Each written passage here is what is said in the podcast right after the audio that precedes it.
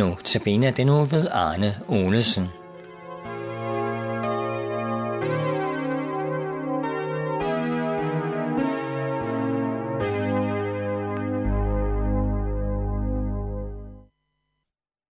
Velkommen til Notabene.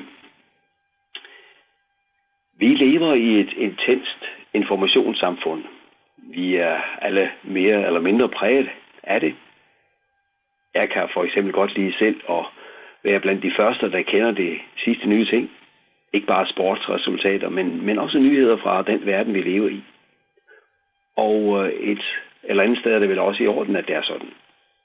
Samtidig tror jeg, det er godt at være klar over, at hvis vi virkelig vil være på forkant, både med nyheder og afdækning af, hvad det er for en verden, vi lever i, så skal vi have fat i Guds ord. Og i det gamle bibelord, der er det nemlig åbenbart, hvad Gud vil med både den enkelte af os og også med den verden, vi er en del af. Vi vil i dag og den kommende uge her prøve at se på, hvordan tingene tager sig ud fra Guds vinkel, og dermed også i evighedens lys. Og det vil vi gøre ud fra den sidste bog i Bibelen, der hedder Johannes åbenbaring.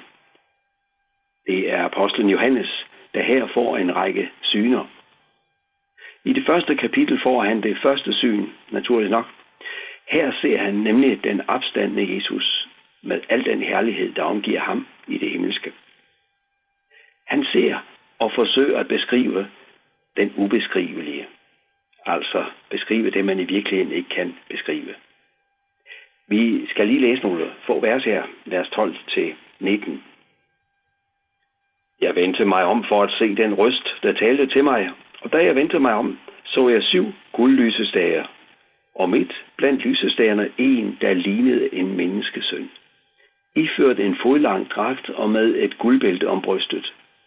Hans hoved og hår var hvidt, som den hvideste uld, som sne, og hans øjne var som lune ild, og hans fødder var ligesom skinnende malm, der gløder i ovnen, og hans røst var som lyden af vældige vande.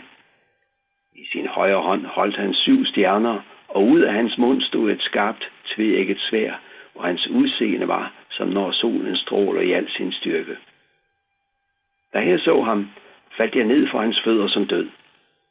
Men han lagde sin højre hånd på mig og sagde, Frygt ikke, jeg er den første og den sidste, og den som lever.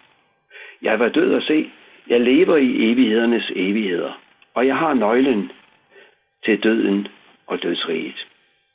Skriv det, du har set, og det, som er, og det, som siden skal ske. Det er bestemt ikke tilfældigt, at Johannes først skulle se Jesus i den række af syner, som siden ville komme. Og han skulle se Jesus ikke bare i den jordiske skikkelse, som han kendte fra tiden, hvor han sammen med de andre apostle vandrede sammen med Jesus. Nej, han skulle se kongernes konge i sin fulde majestæt.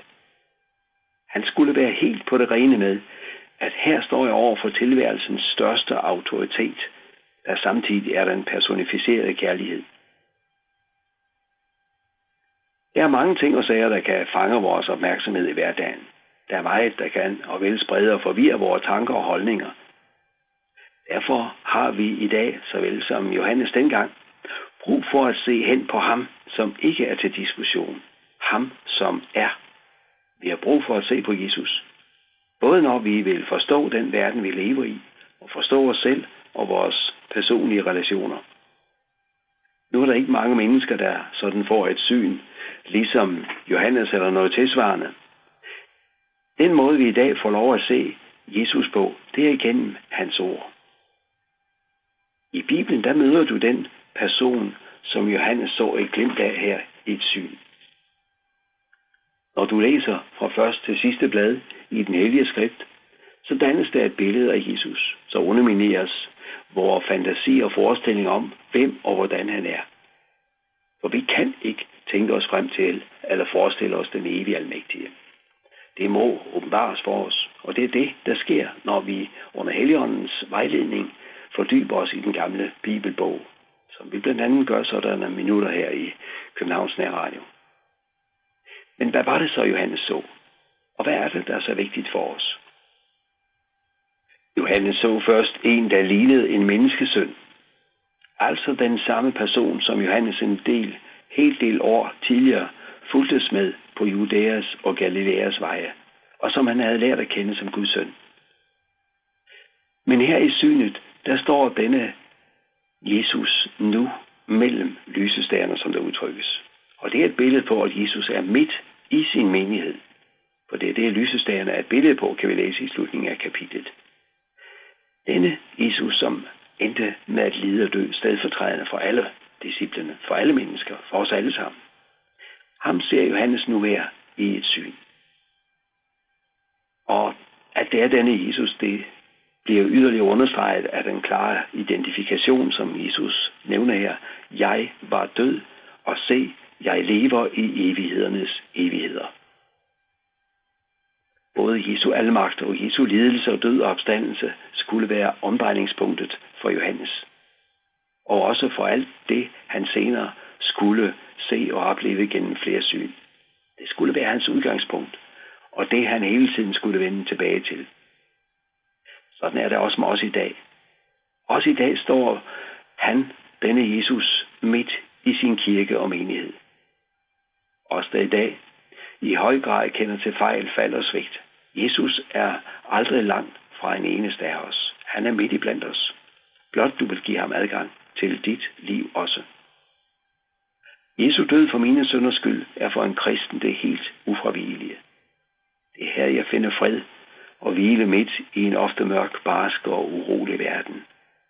Det er her hos Jesus, jeg bliver befriet for alle syndens mange sår og byrder. Og sådan var han, og sådan er han. Aldrig kommer nogen forgæves til ham.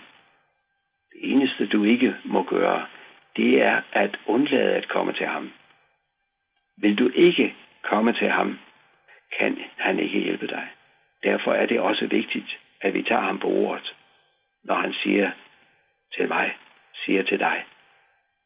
Kom til mig, alle I som slider jer trætte og bærer tunge byrder, og jeg vil give jer hvile. Står i Matthæus 11, 28. Jesus er lige så vigtig for os i dag, som han var for Johannes for de mange år siden. Lad os bede. Tak, Jesus, at du er den, vi har brug for over alt andet. Tak, at du åbenbart denne herlige frelse for os gennem dit ord ved din hellige ånd. Her vil du stadig minde os om, at det vigtigste af alt, det er, at vi har dig for øje sådan at vi kan nå målet, troens mål, vores sjæles frelse.